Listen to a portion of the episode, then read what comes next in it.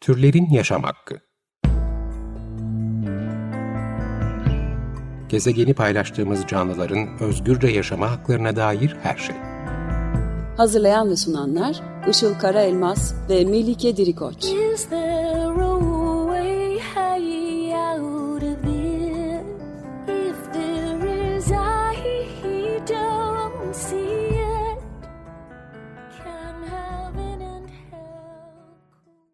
Merhabalar, 95.0 Açık Radyo'da Türlerin Yaşam Hakkı programı başladı. Ben Melike Dirikoç. Bugünkü program destekçilerimiz Yağmur, Sabahat ve Murat Akkaya'ya e, teşekkür ederiz.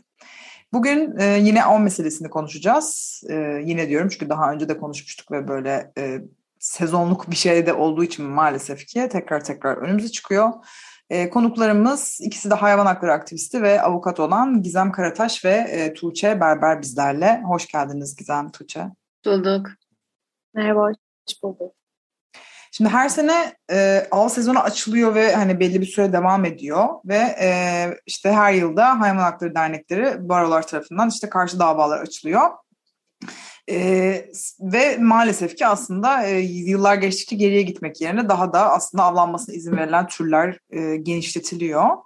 E, aslında toplumun büyük bir kesiminde buna bir tepki var biliyoruz. E, ama e, sanırım tam olarak avlanmanın ve avcılığın ne olduğu da e, belki de herkes tarafından bilinmiyor olabilir. Böyle bir kafa karışıklığı olabilir. Hani sanki böyle avlanmak bir takım bireysel e, kişilerin işte ormanlık alana giderek e, ya da işte yaşadıkları e, bölgelerdeki hayvanları böyle bir silah alıp vurması e, olarak algılanıyor. Hatta bazı kesimler tarafından spor olarak e, da adlandırılıyor. Ee, ve hatta avcılıkla alakalı bir sayfada şu tanım karşıma çıktı. Avcılık kime göre, neye göre e, hani bir katliamdır. Halbuki işte bir tutku da olabilir. E, kendine özgü e, bir stil olan avcılığın devlet tarafından konulan elbette ki birey tarafında da uygulanması gereken kuralları vardır. Ve hani eğer bu kurallara uyulursa bir kıyım değil bir aktivite olarak e, kabul edilmesi e, sağlanacaktır diye e, bir e, cümle gözüm, gözüme çarptı. E, aslında baktığımızda e, evet avcılık aslında dernekleri olan, devlet tarafından izin verilen ve ücrete ve izne tabi olan e, aslında hem yerel hem de uluslararası bir sektör ve sadece Türkiye'de de yok tabii ki dünyanın her yerinde var. E, bir gün gazetesinin haberine göre Doğa Koruma ve e, Milli Parklar Genel Müdürlüğü'nün e, verileri baz alınarak 2020-2021 e, av sezonunda av turizmi kapsamında e, 1835 hayvan katledilmiş ve bunun karşılığında da toplam 26 milyon 857 bin TL değerinde gelir elde edilmiş.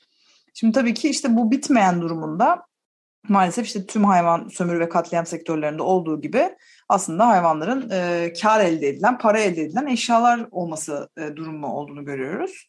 E, ve tabii ki bir, bir, bir ekonomik değeri olan bir alan bu.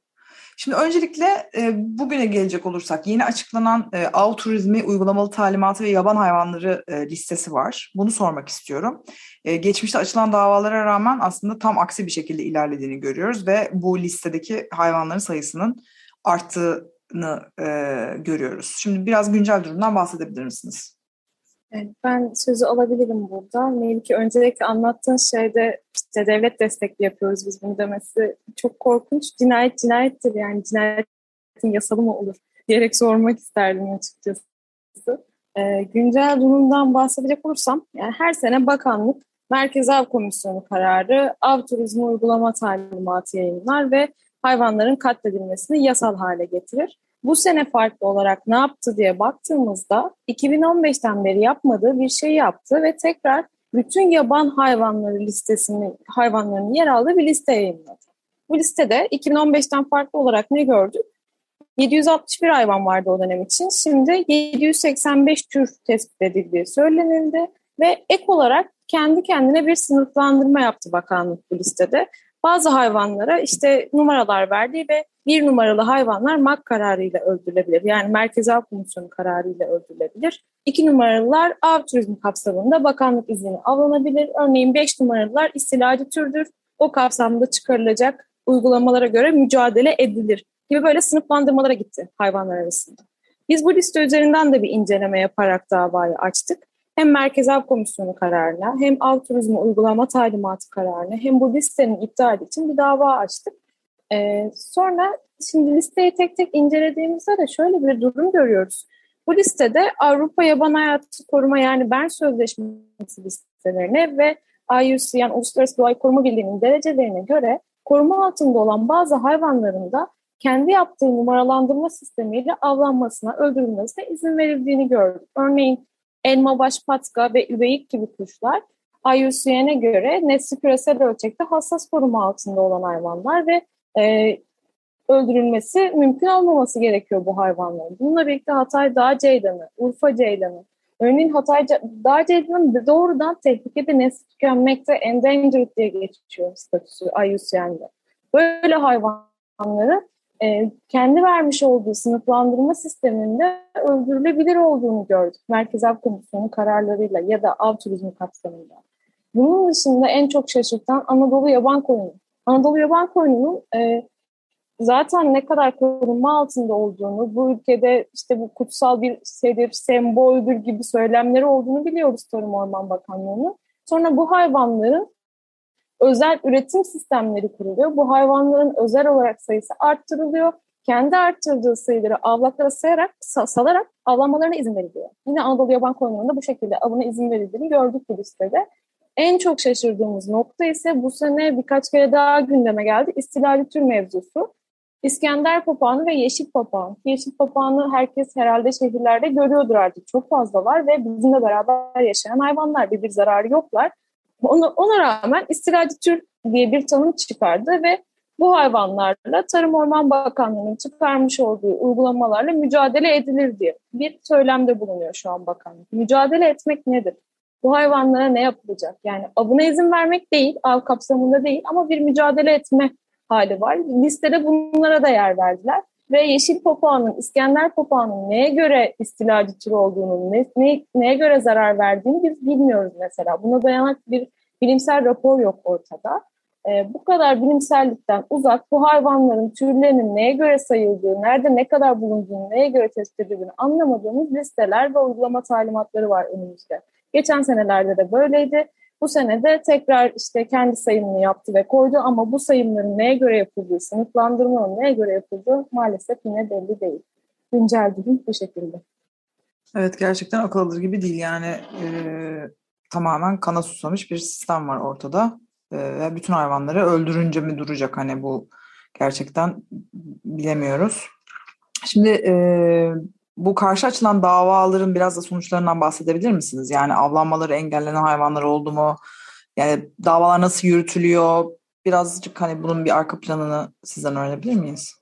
E, tabii Tuğçe az önce bahsetti bir dava açtığımızdan biz Türkiye Vegan Derneği ve Hayvan Hakları İzleme Komitesi olarak bu yıl aslında e, ilk davamızı bu bahsedilen av turizmi uygulama talimatı, onun ek kararı, yaban hayvanları listesi ve Merkez Av Komisyonu kararına karşı açtık. Bunların hepsine karşı Tarım Orman Bakanlığı e, dava olacak şekilde Danıştay'da açtık bu davamızı ve e, oradaki aslında en önemli talebimiz yürütmenin durdurulması talebi. Çünkü o verilmezse iptal kararı verilene kadar hayvanlar öldürülmeye devam edecek. Yüze yakın tür e, söz konusu burada. Yani sadece nesli tükenme tehdidi altında olan hayvanlar değil, aynı zamanda işte elma baş patka gibi, yaban domuzu gibi, e, tilki, çakal gibi hayvanlar da var, tavşanlar da var. E, ama sorun şu, şimdi geçen yıl aslında aldığımız iyi sonuçlar da vardı. Ama bir yandan şöyle bir durum var. Bu danış Danıştay'da açılan davalarda ki geçen yıl İzmir Barosu Av Turizmi Uygulama Talimatı için açmıştı. Ankara Barosu da Merkez Av Komisyonu kararı için açmıştı aynı şekilde. O av sezonu bitene kadar yürütmenin durdurulması kararı dahi verilmiyor Danıştay tarafından. İşte çok iş yükü olduğu, bir türlü sıra gelmediği vesaire söyleniyor. Ve aslında dava kararı çıkmayı e, bırakın yürütmenin durdurulması kararı bile verilmeden zaten yeni av sezonu geliyor. Bütün hayvanlar ölmüş oluyor ve tekrar yeni bir Merkez Av Komisyonu av turizmi uygulama talimatı çıkmış oluyor. Sonuç alınabilen davalar şunlar aslında. E, ne yazık ki e, bir tür ayrımı olduğu için kanun koruma kapsamında yani nesli tükenme tehdidi altında olan, koruma altında olan türlerle ilgili olarak daha somut adımlar atılabildiği için e, kanuna ve uluslararası sözleşmelere göre bu av turizmi uygulama talimatında belirtilen e, bazı türlerle ilgili olarak yapılan yerel ihalelere oradaki yerel mahkemelere yani idari mahkemelerde dava açtığınızda e, bu daha hani o şehirdeki bir mahkeme olduğu için yürütmenin durdurulması kararı da daha hızlı veriliyor. Hatta e, daha dün Sakarya İdare Mahkemesi'nde Bursa Barosu, e, Bursa ve Bilecik'teki iki kızıl geyik için bu davayı açtı ve daha bugün yürütmenin durdurulması kararı verdi. O güzel haberi de vermiş olalım. Çok kısa birkaç gün içerisinde bu e, yürütmenin durdurulması kararını alabiliyorsunuz ve av sezonu bitmeden iptal kararını da alıyorsunuz ve Danıştay'da onuyor. E, ama yani şöyle bir şey e, oluyor burada aslında. E, tamamen o işte bahsettiğimiz esas o genel düzenleyici işleme dava açtığımızda e, Danıştay bunun kararını bir türlü vermediği için siz sadece bölge bölge ihalelere dava açıp hayvanları kurtarabiliyorsunuz. Evet belli başlı bazı türler belli başlı sayıda e, kurtarılabiliyor ama esas problemi kökten bir türlü çözemiyoruz. O yüzden bu yıl açtığımız Danıştay'daki davada artık e, acil yürütmenin durdurulması kararı verilmesini bekliyoruz. Yoksa Anayasa Mahkemesi'ne gitmeyi düşünüyoruz. Çünkü bu her yıl tekrarlanan ve bir türlü çözemediğimiz bir e, yargı sorunu haline geldi. E, ihalelerle ilgili de şunu söyleyebilirim. Şu anda birçok baro biz bölgesinde açmak isteyen ve e, bütün bölgeleri çıkarttık ihaleleri takip ediyoruz. Herkes yürütmenin durdurulması talepli olarak o ihalelere e, idare mahkemelerinde dava açıp yine olabildiğince hayvanı kurtarmaya çalışacak. Geçen yılda e, TVD'nin açtığı Bolu'da, Konya Karaman'da kızıl geyikler ve yaban keçileriyle ilgili böyle yürütmenin durdurulması kararı alınmış ve e, sonunda hayvanlar kurtulmuştu. Ama yine aynı şekilde Adana'da e, hakim ve TVD olarak açtığımız davada çok sayıda hayvan vardı. 70, 70 hayvan vardı. Yaban keçisi, keçisi vardı. Ve onunla ilgili bir türlü yürütmenin durdurulması kararı alamamıştık ki en sonunda o ihalede iptal olmasına rağmen. Yani sayı arttıkça siz davanın kapsamını büyüttükçe e, bazen mahkemelerin tavrı değişebiliyor ama bu bizim için bir engel değil tabii ki. Biz her zamanki gibi her seneki gibi mücadele etmeye devam ediyoruz. Ee, insanlar da altruizm uygulama talimatı ek kararına bakabilirse bizi dinleyenler orada e, hangi illerde ihale açılacağını görebilirler ve kendi illerinde orada yaşayan biri olarak e, gönüllü olarak dava açmak isterlerse e, hakime veya TVD'ye ulaşabilirler. Biz onlarla dilekçelerimizi paylaşabiliriz. Evet yani e, sayıyla ihale çıkılıyor ve buna e, şey yapan aslında yani işte şu kadar malımız var bunu satıyoruz duyurmak gibi bir şey aslında yani hani bunun e, belirli prosedürleri var. E, şimdi bu noktada şeyi sormak istiyorum. Tabii ki bu mücadelenin gerçekten e, işte belirli bir hukuk sistemi var ve yani sadece insan olmayan hayvanlar için değil insanlar için de aslında birçok yerde tıkandığını ve işlemediğini görüyoruz. E, bu noktada da aslında hayvanların e, mal statülerinin olmasının, eşya ve mal statülerinin olmasının e, hukuki açıdan önemini nasıl gözlemliyorsunuz? Yani e, mal statüsünde olan alınıp satılabilmesi gerçekten legal olan, ekonomik değer biçilebilen birisinin da, insan olmayan hayvanların sizce e, yani korunabilmesi mümkün oluyor mu bu çerçevede hukuki açıdan? Yani şöyle cevap verebilirim buna. Bir sene önce hayvanları koruma kanununda yapılan yasa değişikliğiyle bazı haberlerde veya işte bazı siyasi kişilerin söylemlerinde şöyle bir ifade gördük. Hayvanlar mak kapsamından çıkarıldı. Yani hayvanları koruma kanunu isimli 5199 sayılı kanun bile hayvanları korumaktan öte mal statüsünü tutmaya devam ediyor. Çünkü biz bugün hayvan hakları kanunu diyemiyoruz bu konuda. Çünkü günümüzde hayvanlara bir hak tanımak ki bu hak tanımak da olmamalı bence. Çünkü hayvanların doğuştan gelen hakları zaten var. Bu bakış açısıyla bakmadığımız sürece hayvanlara bir hak tanımak bazı kesimlerin cebini yakacak. Örneğin bu konuştuğumuz avcılık meselesi. Yani bu avcılık meselesi hem ekonomik olarak birilerine destek sağladığı sürece hem de bazı kesimlerin şiddet dürtüsünü bastırmasını sağladığı sürece e, var olmaya devam edecek. Hayvanların hukuki koruması var diyebilmemiz için bizim öncelikle doğaya sınırsızca egemen olma tutkusuyla körüklenen ve hayvanları üzerinde mülkiyet ilişkisi kurulabilecek bir meta olarak gören bu anlayışla mücadele etmemiz gerekiyor. Önceki bu anlayışı değiştirmemiz gerekiyor. Şöyle bir anlayış da var yani adalet kavramı sadece insan için var. İnsan merkezli bir yaklaşımda sadece insana özgü bir kavrammış gibi algılanıyor ama öyle bir durum da yok. Yani hayvanlara bahsedilecek bir kavram olarak görüyoruz aslında bu hayvan hakkı kavramını ama aslında bunlar doğuştan var olan şeyler. Sadece bunun kabul edilmesi gerekiyor. O yüzden artık olması gereken hayvanların yaşamlarından kaynaklı olarak doğal haklara sahip olduğunu kabul etmek ve e, yaşam hakkı gibi vücut bütünlüğü, beslenme, barınma gibi doğal olarak var olan haklarını da hukuken tanınmalarını sağlamak olacak. Bir hayvanın öldürülmesine karşı adeta e, cezasızlık politikası yürüten bu yasalar değişmediği sürece, bu tahakküm anlayışı değişmediği sürece de ben hayvanların korunduğunu düşünmüyorum. Evet kesinlikle yani haklardan bahsediyorsak e, öncelikle hakka sahip olabilme statüsünü e, sağlamak gerekiyor sanırım.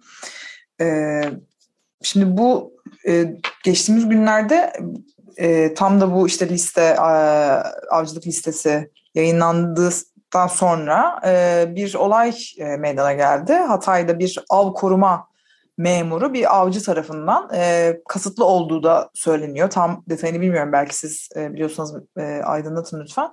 E, vurularak öldürüldü. E, bu noktada hani ben ilk başta mesela şey olarak algıladım. İşte yaban hayatı koruma görevlisi gibi algıladım yani. Sanki oradaki işte hayvanların bakımından korunmasından sorumlu birisi gibi algıladım ama sonra av koruma memuru deyince de böyle bir aklım karıştı. E, Tarım ve Orman Bakanı da e, bu durumla alakalı bir e, tweet atmış. E, doğamızı ve can dostlarımızı koruma görevini fedakarca ifa e, eden e, personelimize yönelik saldırıları lanetliyorum demiş. Ama bu noktada sanırım av koruma memurunun görevi e, kaçak avlanmaya karşı bir koruma sağlamaktı. E, siz aydınlatırsanız sevinirim.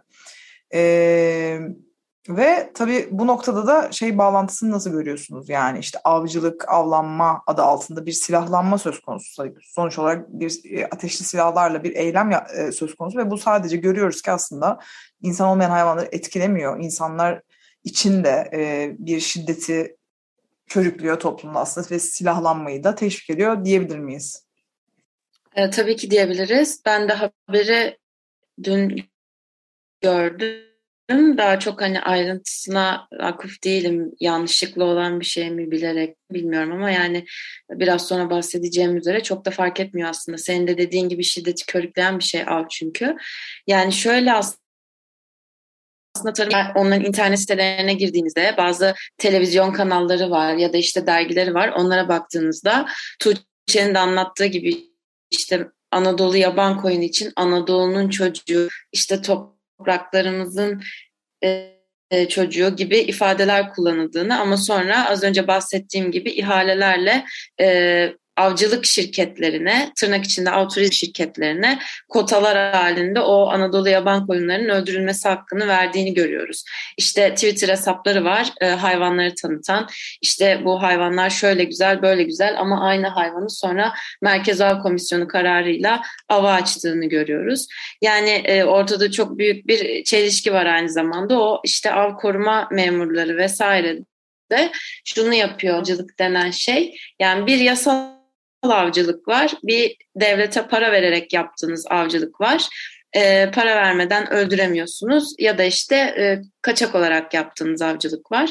Bu şekilde ikiye ayrılıyor. Oradaki koruma aslında e, devlet para almadan öldürülmesin koruması. Hayvanları korumakla çok bir alakası yok. E, yaşanan olay çok üzücü tabii ki bu arada. E, yani bu şiddet bağlantısını şuradan bir kere kurabiliriz. E, Bakanlığın sitesine girdiğinizde görürsünüz. Bu ihale avlarının dışında sayısız e, av tüfeği ihalesi de var. Yani devlet av tüfeği ihalelerinden de inanılmaz para kazanıyor ve bu avcılık dolayısıyla avcılığın bu kadar yaygın olması dolayısıyla av tüfeği edinmek çok kolay bir hale geliyor. Ve haberlerde baktığınızda tıpkı bu yaşanan üzücü bu şekilde işlenen bir sürü kadın cinayeti var. Ee, yine av tüfeğiyle öldürüldüğünü görebilirsiniz. Çünkü avcılık e, bu kadar sınırları çizilmiş bir halde değil avcılık. Aslında serbest. Sadece bazı durumlarda kısıtlanmış halde gibi resmen. E, dolayısıyla hem av tüfeğine bu kadar ulaşımın kolay olması hem de avcılık sebebiyle bu şiddetin körüklenmesi ve şiddetin normal hale gelmesi e, aslında biraz insan merkezli bir bakış açısı olacak ama e, işte kadınları çocukları da çok etkileyen bir şey oluyor. Birçok kadın cinayet hayvanlar içinde işte e, daha kırsal yerlerde daha avcılığın yaygın olduğu yapılabildiği yerlerde e, o mesela köpek ölümleri bize ihbar geldiğinde çoğunun av tüfeğiyle öldürülmüş olduğunu görüyoruz. Yani aslında dediğin şey çok doğru. Bunların hepsi birbirini tetikleyen, körükleyen şeyler. Ee, avcılığın tamamen yasaklanması gerek. Bunun için mücadele ediyoruz ama şu anda e, elimizden gelen e, mevcut yazılı kurallar doğrultusunda en azından onları kullanarak, onları olabildiğince fazla tür için geniş kullanarak e, bazı düzenlemeleri iptal etmek yönünde oluyor. Evet yani aslında e, hep anlatmaya çalıştığımız da birazcık tabii bu bir sektör olmaya devam ettikçe yani işin altında çünkü bir işte kar, e, bir işte e, ekonomik kazanç sağlama yatıyor. Yani hani bunu bu buraları da e, kesinlikle bence işte ortadan kalkması gerekiyor ki e, artık hani bununla alakalı bir düzenleme yapılsın. Çünkü bir yandan da böyle bir sektör devam ettiği sürece aslında düzenlemeler yapılmıyor. Birazcık hani işte e, hayvan hakları hususlarında işte veganlık ne alaka e, diye bazen işte e, belki bazı insanların aklına bir şeyler geliyordur. Ama bu noktada zaten e, ekonomik e, değeri olan sektörleri, hayvanların kullanıldığı sektörleri ayakta tuttuğumuz sürece, buna para ödediğimiz sürece zaten gerekli değişiklikler de, hukuksal anlamdaki gerekli değişiklikler de yapılmıyor ve gerisin geriye e, aslında her şey kendini tekrar ediyor e, diyebiliriz sanırım. E, süremizin yavaş yavaş e, sonuna geliyoruz. E, çok kıymetli bir sohbetti. 95.0 Açık Radyo'da Türlerin Yaşam Hakkı programını dinlediniz. Bugün konuklarımız hayvan hakkı aktivistleri ve e, avukat. E, Gizem Karataş ve Tuğçe Berber'di. E, onlarla yeni açıklanan av turizmi uygulama talimatı ve yaban hayvanları listesini e, aynı zamanda buna karşılık açılan davaları konuştuk ve gelişen hukuki süreci konuştuk. Bu konuda da bu arada başlatılan bir imza kampanyası var. Hani biz ne yapabiliriz diye belki sorarsak Change.org'da başlatılmış bir kampanya. kampanyanın başlığı avcılık tamamen yasaklansın e, Change.org'a e, bu e, isimle aratarak e, siz de imzacı olabilirsiniz. E, Gizem ve Tuğçe geldiğiniz için e, kattıklarınız için çok teşekkürler tekrardan. Ben teşekkür ederim. Sağ olun. Teşekkür ederim. Çok sağ olun. Evet ve kapatırken tabii ki e, hayvanların eşya olarak kullanıldığı, e, nesnelere dönüştürüldüğü tüm sektörlerinde yasaklanmasını istiyoruz diyelim. Ee, sorularınız ve yorumlarınız varsa bize e-mail yoluyla da ulaşabilirsiniz. Mailimiz turlerinyasamakki.gmail.com Dinlediğiniz için teşekkürler. Haftaya görüşmek üzere. Hoşçakalın.